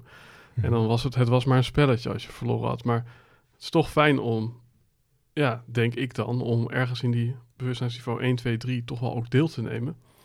Eh, omdat, ja, omdat het, wat je zegt, anders is het ook gewoon helemaal niks, naast dat het alles is. Nou, de enige manier om het te komen. Ik heb heel erg het verlangen. Goed, dit is natuurlijk het principe van Ithaca.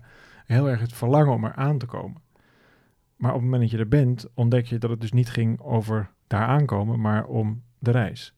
En dus Ithaca, het eiland waar het helemaal geweldig zou zijn. En daar, daar ging dan de koopman of de reiziger ging daar dan naartoe. Mhm. En die beleefde het ene avontuur na het andere. Maar toen hij in Ithaca aankwam, wat is dit nou? Was dit Ja. nou wat ik dacht dat het zou zijn? Maar anders was hij nooit vertrokken. Dus misschien is dat wel de kern van het vijfde bewustzijn. Het is een mooi streven. Het is een, het, uiteindelijk gaan we toch een keer richting die sterfelijkheid. Ga je al een keer naar het grote al. En wat dat ook maar is. Ehm, alleen ik vind het mooi. Daarom vind ik het ook een mooi woord. Bewust zijn. Waar woon ik? Ja. Woon ik in, in een soort ja, een benevelde toestand als alcoholist achter de eh, doodgaande geraniums en ik kom mijn huis niet meer uit omdat ik toevallig mijn eerste relatie niet wist te laten lukken? Of was het mijn impuls om door te gaan? Hé, hey, wacht eens even, maar ik ben veel meer dan mijn naam, mijn geschiedenis, mijn pijn en mijn verdriet. En heb ik, nou ja, meer dan eens met heel veel mensen laten zien dat we allemaal zelfcreërende wezens zijn. Dat je er heel veel van kunt maken, Mhm. in wat voor gekke toestand dan ook. Dat heel veel eh, shit uit het verleden hele inspirerende mest voor de toekomst is. Mhm. Dus dat, dat ook, ook dat, dat je dat allemaal niet bent, maar dat je het uitstekend kunt gebruiken. En dan vervolgens, en dat was dan mijn inzicht van de afgelopen eh, paar jaar. Maar wacht eens even, wat nou als je dat dan gaat samen doen met gelijkgestemden? En toen viel eigenlijk het kwartje, dus in het vierde geweten. Op het moment dat je denkt nog van alles te moeten fixen, te moeten helen. En dan kun je eindelijk aan je reis beginnen. Dan heb je het helemaal mis. Het feit dat je besluit om het samen te doen met mensen die besluiten om het samen te doen, ben je er al. Dat, hoger wordt het niet. Ja, maar, Dus maar ik hoor je in het begin van deze podcast zeggen van eh, life is a dance. En nu een beetje richting het einde van deze podcast zeg je eigenlijk life is a journey. In ieder geval, het doel is de reis naar de zon, naar die eenheid. Ehm, zou je dan kunnen zeggen van het is eigenlijk eh, dansend op reis gaan? Is dat dan de waarheid? Als je snapt wat ik bedoel. Want een dans is heel erg, mm, ja, zie ik zo, gebonden aan één plek waarop je interacteert. En een reis is toch, we gaan van punt A naar punt B. Het lijkt alleen zo gekoppeld, maar dat kan mijn taalding zijn aan de buitenkant. Alsof het een. Kijk, het leven, zegt Tony Robbins natuurlijk ook, het leven is niks anders dan het aaneenschakelen van ervaringen. Nou, hoe rijker die ervaring is, kan ook gewoon het knuffelen van de kat zijn natuurlijk, maar hoe rijker die ervaring is, hoe rijker je je eigen leven ervaart. Nou, wat is een ervaring? Niks anders dan een verhaal wat jij maakt van dat wat je hebt meegemaakt of wat je meemaakt. Maar dat is allemaal naar buiten toe. Terwijl het inzicht van, en het mooie vanuit de zweethut vind ik, je kunt nergens anders heen dan naar binnen toe. Dus het, hoe meer je naar buiten gaat proberen te gaan in de zweethut, hoe ondraaglijker het wordt en hoe eerder je eruit wil. Nou, dat noemen we dan een vroege geboorte. Sommige mensen die worden heel, eh, de kinderen die Ja. over het algemeen wat intelligenter zijn, zijn geloof ik eerder geboren. Ik weet niet of dat helemaal klopt, maar ik vind het een aardig idee. Ehm, maar in ieder geval, op het moment dat je naar buiten toe gaat projecteren, wordt het heel erg ingewikkeld. Dus die reis, het is absoluut waar wat je zegt, denk ik, alleen wel naar binnen toe. De, de, de buitenwereld is altijd de tweede instantie. Want waar vindt die ervaring plaats? Mhm. Natuurlijk niet buiten je, maar binnen je. Dus waar heb je te zijn? Binnen je, niet buiten je. En in die binnenwereld, daar is nog zoveel te ontdekken. Daarom zou ik zo graag het vak psychologie, laten we daar nou eens mee beginnen. Om het vak, vak psychologie toe te voegen, gewoon aan het basisonderwijs. Zo simpel. Vak, en, daar hoeven we ook helemaal niet ingewikkeld over te doen. Daar kunnen we gewoon morgen mee beginnen. Dat is gewoon ook wetenschap, daar weten we inmiddels ook echt superveel van.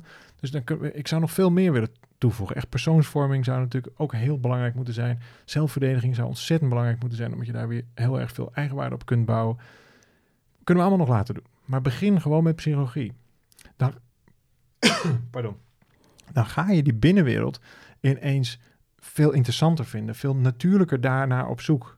Want er is een mooi verhaal van ehm, eh, de goden toen ze een vergadering hadden over waar, waar gaan we nou dat geheim, je had het over die kist in de achtertuin, waar gaan we nou het geheim van de mensen verstoppen? Wat is nou de plek waar ze het het minst zouden zoeken? En de sleutel hebben ze hier, gewoon in jou gestopt. Diep Ja. in jou. Dat is waar de sleutel zit. Het was altijd al bij. Dat was echt mijn grote epiphany. Toen ik op een gegeven moment een heel klein beetje dat vijfde geweten begon te ervaren. Een keertje. Dat ik dacht, oh, werk. Ja. Had ik dat niet eerder gezien? Heb ik dat, hoe heb ik dit nou nooit kunnen zien? Het is allemaal al één. En ik heb er gewoon dat, dat, nou ja. En daarna schiet je natuurlijk, moet je ook weer gewoon naar de tandarts. En dan ben je blij dat er een ander is in jouw wereld even die, die ook gewoon een gaatje kan vullen. Maar het is allemaal al één. In dat concept, nou goed, dat is wat ik nu een poging toe doe om dat allemaal op te schrijven. Zijn zeg maar die vijf bewustzijnsniveaus, is, is er sprake van een chronologie? Eh, of is het, eh, zoals jij nu beschrijft, van hey, ik tipte eventjes aan, eh, nou pak een beetje niveau 5. Eh, maar ik leef misschien in 4 en eh, nou, by the way, eh, morgen is vrijdag, dan ga ik even naar niveau 1. Eh, Is, is er sprake van een chronologie of is het ook daar een dans waarin je eigenlijk net zo goed tien jaar kan mediteren op een berg om vervolgens alsnog ineens weer tien jaar in niveau 1 te gaan leven? Nou ja, dat is, dat is de vraag die ik net stelde, van waar woon je? En, Ja. en ik denk dat het ware is dat je ook door omstandigheden, want het, het is natuurlijk ook gewoon makkelijk praten, omdat wij ehm, überhaupt in Nederland zijn waar het veilig is, waar je kan zeggen wat je wil, eh, enzovoort. En dus ik, ik weet niet hoe dit zou zijn als ik met een maaltijdje bij elkaar zou moeten eh, sprokkelen op een Ja. vuilnisbelt ergens eh, in Manila. Dan wordt het misschien ingewikkelder. En toch denken we dat wel kan. Het is alleen een stuk, stuk ingewikkelder. Dan, Ja. dan zou je behoorlijk wat meer verlicht moeten zijn dan aan deze kant van de. Van, van En, de en het romantische is misschien dat jij dan toch ook thuis kwam in een ja, voor velen toch oncomfortabele omgeving in zo'n zweethut.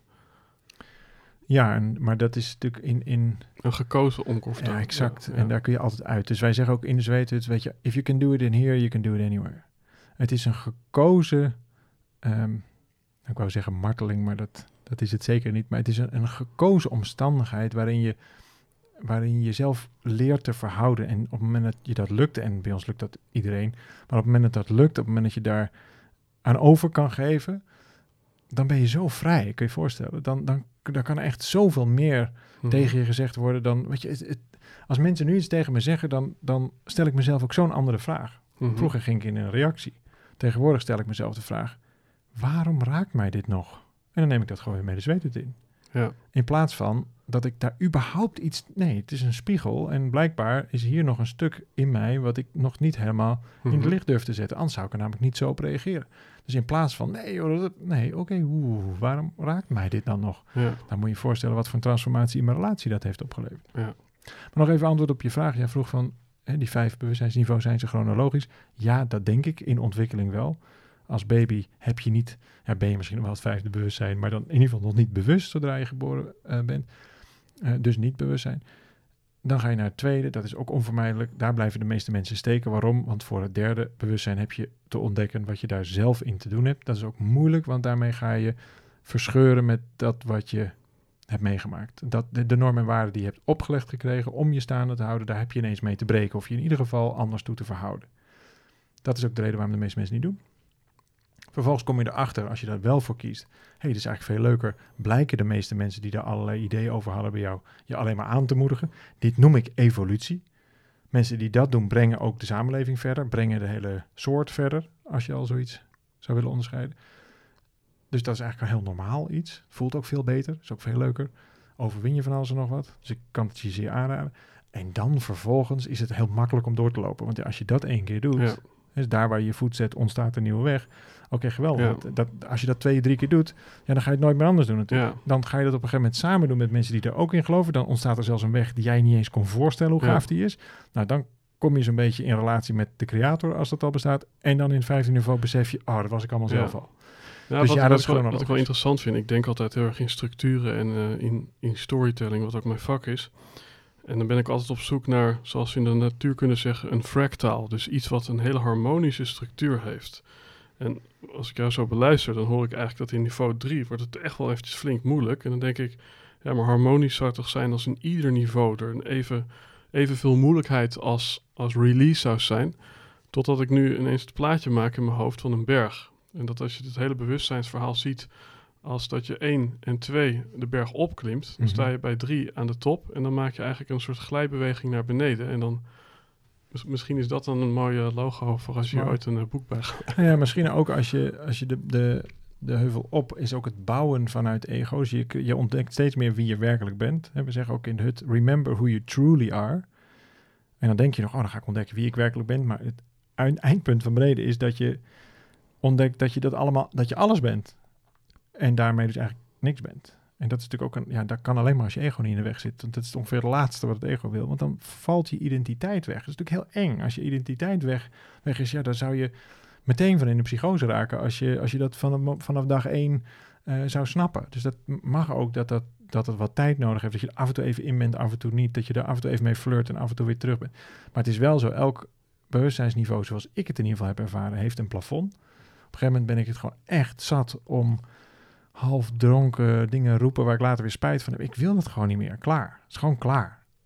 Dat is geweest, dat was een, was een vlucht om niet Mhm. naar het derde bewustzijn te hoeven. Of om even uit, vooral om uit het tweede bewustzijnsniveau, uit het omgevingsbewustzijnsniveau te ontsnappen. Want dat is gewoon heel zwaar. Als jij het leven leeft Ja. wat niet van jou is, is lood zwaar. Dat is ook wel interessant. Hè? Dus eh, wat je dus dan ziet in jouw beschrijving is dat mensen dan de uitvlucht nemen eh, uit dat bewustzijnsniveau naar een vorig bewustzijnsniveau. In plaats van misschien de uitnodiging, waarom dan niet flirten met het volgende bewustzijnsniveau? Ja, omdat dat nog niet bewust is. Dus daar, Ja. Maar daarom kun je ook mensen die 25 jaar lang aan de, aan de krek gaan, dat, dan kun je het in die zin niet kwalijk nemen, want die, dat is hun route naar de verlichting, hoe gek dat ook klinkt.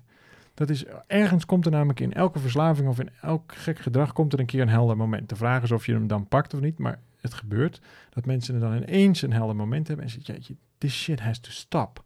En dan in één keer een mega stap maken waar ze anders nooit zijn gekomen. Nou, dan heeft die 25 jaar ineens ontzettend veel zin gehad. Ja, En by the way, het was toch al gebeurd, dus we hoeven helemaal niet over te oordelen, want het was namelijk al gebeurd. Maar in één keer is dat daar waar ze al die tijd dan zo naar op zoek waren. Zoals ik mijn hele leven bij elkaar heb gerommeld met als diepste doel om thuis te komen. Dat heb ik altijd geweten, alleen nooit geweten hoe dat zou Ja. zijn. Altijd gedacht, er moet toch een gevoel bestaan van, ik weet nu hoe ik het zou moeten benoemen, maar in ieder geval dat gevoel had ik altijd van, ja, ik leefde altijd een beetje met mijn hoofd bij de deur ja, nooit echt helemaal ergens helemaal in. Ik kon ook zomaar van de een op de andere dag iets opblazen. Een relatie of een, of een bedrijf desnoods of een vriendschap. Of, dat, dat kon. ja, Totdat ik ergens thuis kwam. ja. En mijn leven is zo veranderd. Want sinds ik dat heb ervaren, nou, dan ben ik ook, ik ben waar ik ben. En ik hoef er ook niet meer de zweethut voor in. Dat is ook interessant. We hebben in de coronatijd ontdekt, want toen konden we geen zweethut te gieten, dat er ook zoiets bestond als digitale zweethut. Dus we zijn de zweethut gewoon gaan doorgeven, maar dan ieder achter zijn pc'tje. Cameraatje erop. En gewoon dezelfde liederen zingen, dezelfde aanwezigheid, dezelfde presence. Daar gingen mensen ook echt thuis. Oh, dat is zo geweldig. Mensen gingen thuis met dekens ook iets nabouwen. En dan onder een deken zit een kaarsje aansteken om het nog maar zo echt mogelijk te laten lijken. En wat gebeurde? De resultaten waren identiek aan een zweethut. ja. Dus je hoeft helemaal de zweethut niet in Nee. om precies dezelfde ervaring te hebben. Nou, dat klopt Ja. helemaal weer met die bewustzijnsniveaus. Nou, dat is natuurlijk ook een beetje, eh, ja, als we het dan toch over psychologie hebben, van eh, als je simuleert of een filmpje kijkt van de- dat je naar beneden gaat in een achtbaan, dan voel je het ook in je buik. Klopt, als je denkt aan een kerstboom, ligt precies hetzelfde hersendeel op, op het moment dat je kijkt naar een kerstboom. Ja, Het is precies hetzelfde. Als je het je voorstelt of dat je het daadwerkelijk ziet, het is exact ja, hetzelfde. Dat is trouwens ook de reden waarom je heel voorzichtig moet zijn met het kijken van allerlei eh, bullshit. ja. Maar dan is er nog wel aan vooraf gegaan dat je zo'n zweethut wel een keer echt hebt ervaren. Waardoor je daarna misschien via Zoom of Skype dat kunt doen. Ja, en in dit geval waren het wel mensen die allemaal eerder die ervaring hebben gehad. Dat zou een interessant experiment zijn of dat ook zou werken bij eh, mensen die zich daar verder niets bij kunnen voorstellen. Dat weet ik niet. Maar het feit dat we het op wisten te roepen. Mhm. En dus voor mij, wat ik net zei, dat was eigenlijk het punt wat ik wilde maken. Ik hoef er niet meer de zweethut voor in, omdat ik me inmiddels dezelfde vragen stel die ik anders soort van van nature in de hut zou stellen. Ja. Waarom raakt dit mij? Als ik het heel zwaar heb, een heel enkel keertje, ik heb, ik heb denk ik meer dan duizend hutten gedaan in mijn leven. Heb niet geteld, maar het zou me niet verbazen. Een heel enkel keer, ik denk misschien drie of vier keer dat ik eruit heb gemoeten. Dat het gewoon ook bij mij niet ging. En dan ga ik er gewoon in een ronde, of tenminste, er zijn verschillende rondes in zo'n hut. En dan op een gegeven moment dan ga ik eruit. Ik, jongens, het is genoeg geweest, ga eruit. Dat zijn misschien wel mijn meest waardevolle hutten geweest. Dat zijn de momenten waar je dan daarna je die vraag kunt stellen. Hey, maar wat gebeurt hier nou? Waarom raakt mij dit zo? Waar moet ik van weg? Of waar wil ik zo graag naartoe? Die antwoorden daar, ja, als, je dat, als je dat niet meer in de hut hoeft te doen, of niet meer per se in de hut hoeft te doen, ja, dat, dat, dat, dan heb je een ervaring die is zo geweldig. Die kan ik ook niet uitleggen. Je kunt niet iemand uitleggen hoe het is om in de zweten te zitten. Mhm. Dat is zo rijk. Alles wat ik erover zeg, dat doet eigenlijk die ervaring tekort. Misschien is het mooi om zo af te ronden. Van, kun je als laatste dan aan de luisteraar iets uitleggen over ja, het dichter bij ervaringen komen die je niet kunt uitleggen? Door ze te doen. Ja, doe het. Ja, Het is het enige. Als dit je triggert, als je het idee hebt van... hé, hey, wacht eens even, en misschien is het totaal iets anders, doe dat dan. De meeste mensen die, ook hier weer vanuit de bewustzijnsniveaus... maar en ook vanuit ons onderwijssysteem... je wordt opgeleid met het idee van... ik moet het eerst bedenken... om het vervolgens te doen... en om dan vervolgens te besluiten... Oh, eigenlijk, nee, ik zeg het verkeerd. Je gaat het bedenken, dan ga je het ervaren. Dus je gaat bedenken hoe het zou zijn als je het zou doen. Dus je gaat bedenken hoe de ervaring zou zijn. Dan zit je, als je hiernaar zit te luisteren, dan heb je waarschijnlijk al een paar keer bedacht. Hoe zou het zijn als ik in de zweet zijn, zou zijn? Toch? Dat heb je voor je geest Mhm. gehad, dat kan niet anders. Alleen is die ervaring net zo waardevol, vraag ik je nu, als dat je eerst het zou gaan doen. Je had geen idee, ik had geen idee, ik werd uitgenodigd. Nou, ik vertrouw mijn vrienden. Vind ik leuk. Nieuwjaarsding kon toevallig. Ik had er wel eens iets over gehoord. Nou, geinig. Gingen we inzitten. Boem. Ik ben ineens thuis. Dus ik doe het. Dan ervaar ik het. En vervolgens besluit ik of ik ermee doorga of niet. Dus als iets je dan grijpt, als iets je dan raakt, hey, dan hebben we een lijntje gevonden. Nee, daar wil ik meer van weten. Je kunt het ook ervaren heel geweldig vinden en daarna je afvragen waarom, het, waarom je leven zo middelmatig is. Om, ja, dat is natuurlijk stom. Dan moet je natuurlijk vaker gaan doen. Mhm. Maar in dit geval dacht ik, ja, dit raakt me zo, dit ga ik natuurlijk vaker doen. Nou, zo is dat ontstaan. Dus het is eigenlijk het omdraaien van, van denken het te weten. Je kunt een ervaring niet weten. Het gaat het weten te boven. Dus op het moment dat je gaat bedenken hoe het zou zijn als je het zou doen, heb je de verkeerde route te pakken. Je hebt het eerst te doen, en desnoods probeer je het in één ronde of een klein beetje of whatever, om vervolgens te ervaren hoe het is, om dan vervolgens te besluiten of je ermee doorgaat of Ja. niet. En dat is echt een totaal omgekeerde manier van Doen is de beste leven. manier van denken. Het is, het is de doen is de enige manier van ervaren. En Ja. op het moment dat je de ervaring is rijker dan het denken. Hè, want je kunt niet bedenken hoe het, de ervaring, want dan zou je hem instantly hebben. Die heb je niet, daarvoor heb je het eerst te doen. Dus je kunt wel een beetje kriebels in je buik krijgen van het zitten in die achtbaan. Maar ik weet zeker, als je in die achtbaan zit, heb je ze meer. Dus die ervaring is rijker. Dus daarvoor heb je in die achtbaan te stappen. Daarvoor heb je het te doen. En dan vervolgens kun je bedenken, en dat is denk ik het ook het enige waar we het bedenken, waar het denken ook echt zin heeft, is, hey, ga ik hiermee verder of niet? Dus je kiest elke keer, Ja. ga ik door, ga ik dieper in, de, in deze ervaring? En duizend keer in de achtbaan is denk ik een stuk minder ehm, leerzaam, en voor mij in ieder geval, eh, leerzaam en inspirerend dan duizend keer in de zweet. Ja. Maar goed, dat is ieder voor, ieder voor zich. Alright, David. Ehm, misschien als laatste stel ik mensen altijd de vraag van... Stel dat je, eh, nou, ik noem het maar even, eh, allerlei mensen in de file ziet staan in bewustzijnsniveau 2. Eh, en dan staat er een heel mooi billboard langs de weg. En ze hebben alle tijd om er even rustig een blik op te werpen. En welke inzicht, welke boodschap, welke leuze zou je aan deze mensen willen meegeven die je wilt uitnodigen wellicht om een volgende stap te zetten in bewustzijn? U staat niet in de file, u bent de file. Kijk eens aan. Alright. ehm, voor de luisteraar, deze aflevering staat natuurlijk op Spotify, op YouTube. Uh, abonneer op het kanaal als je meer van dit soort dingen wil. Vraag ik je aan jou, David, uh, naast dat de shownote wordt uitgebreid met allerlei mooie verwijzingen, is er nu één plek in het bijzonder. Misschien jouw boek wat er aankomt of een ceremonie die je graag uh, ja, wilt introduceren. Is er iets waar je de luisteraar naar wilt verwijzen om een stap te zetten in bewustzijn? Nou, ik zit in de hut en ik giet het water. En als je erbij wil zijn, ben je van harte welkom. www.eaglelodges.nl En dan uh, zie je vast een beetje hoe dat in zijn werk gaat. Yes. Nou, dit was dan, uh, ik noem het maar even, de eerste aflevering in seizoen 2 van Helden en Hordes. En wat voor eentje. Dus ik heb zelf ook uh, in mijn hoofd heel wat aantekeningen gemaakt. Dus daarvoor heel veel dank. Leuk om je na tien jaar in een ander bewustzijnsniveau wellicht opnieuw te hebben ontmoet. Um, dus dan uh, wil ik hem hiermee afronden en jou hartelijk bedanken. Heel graag gedaan. En uh, laten we over tien jaar weer de volgende opnemen. Kijken waar we dan zijn. Het zesde bewustzijnsniveau. Wie weet. Leuk, dankjewel Eddie. Super.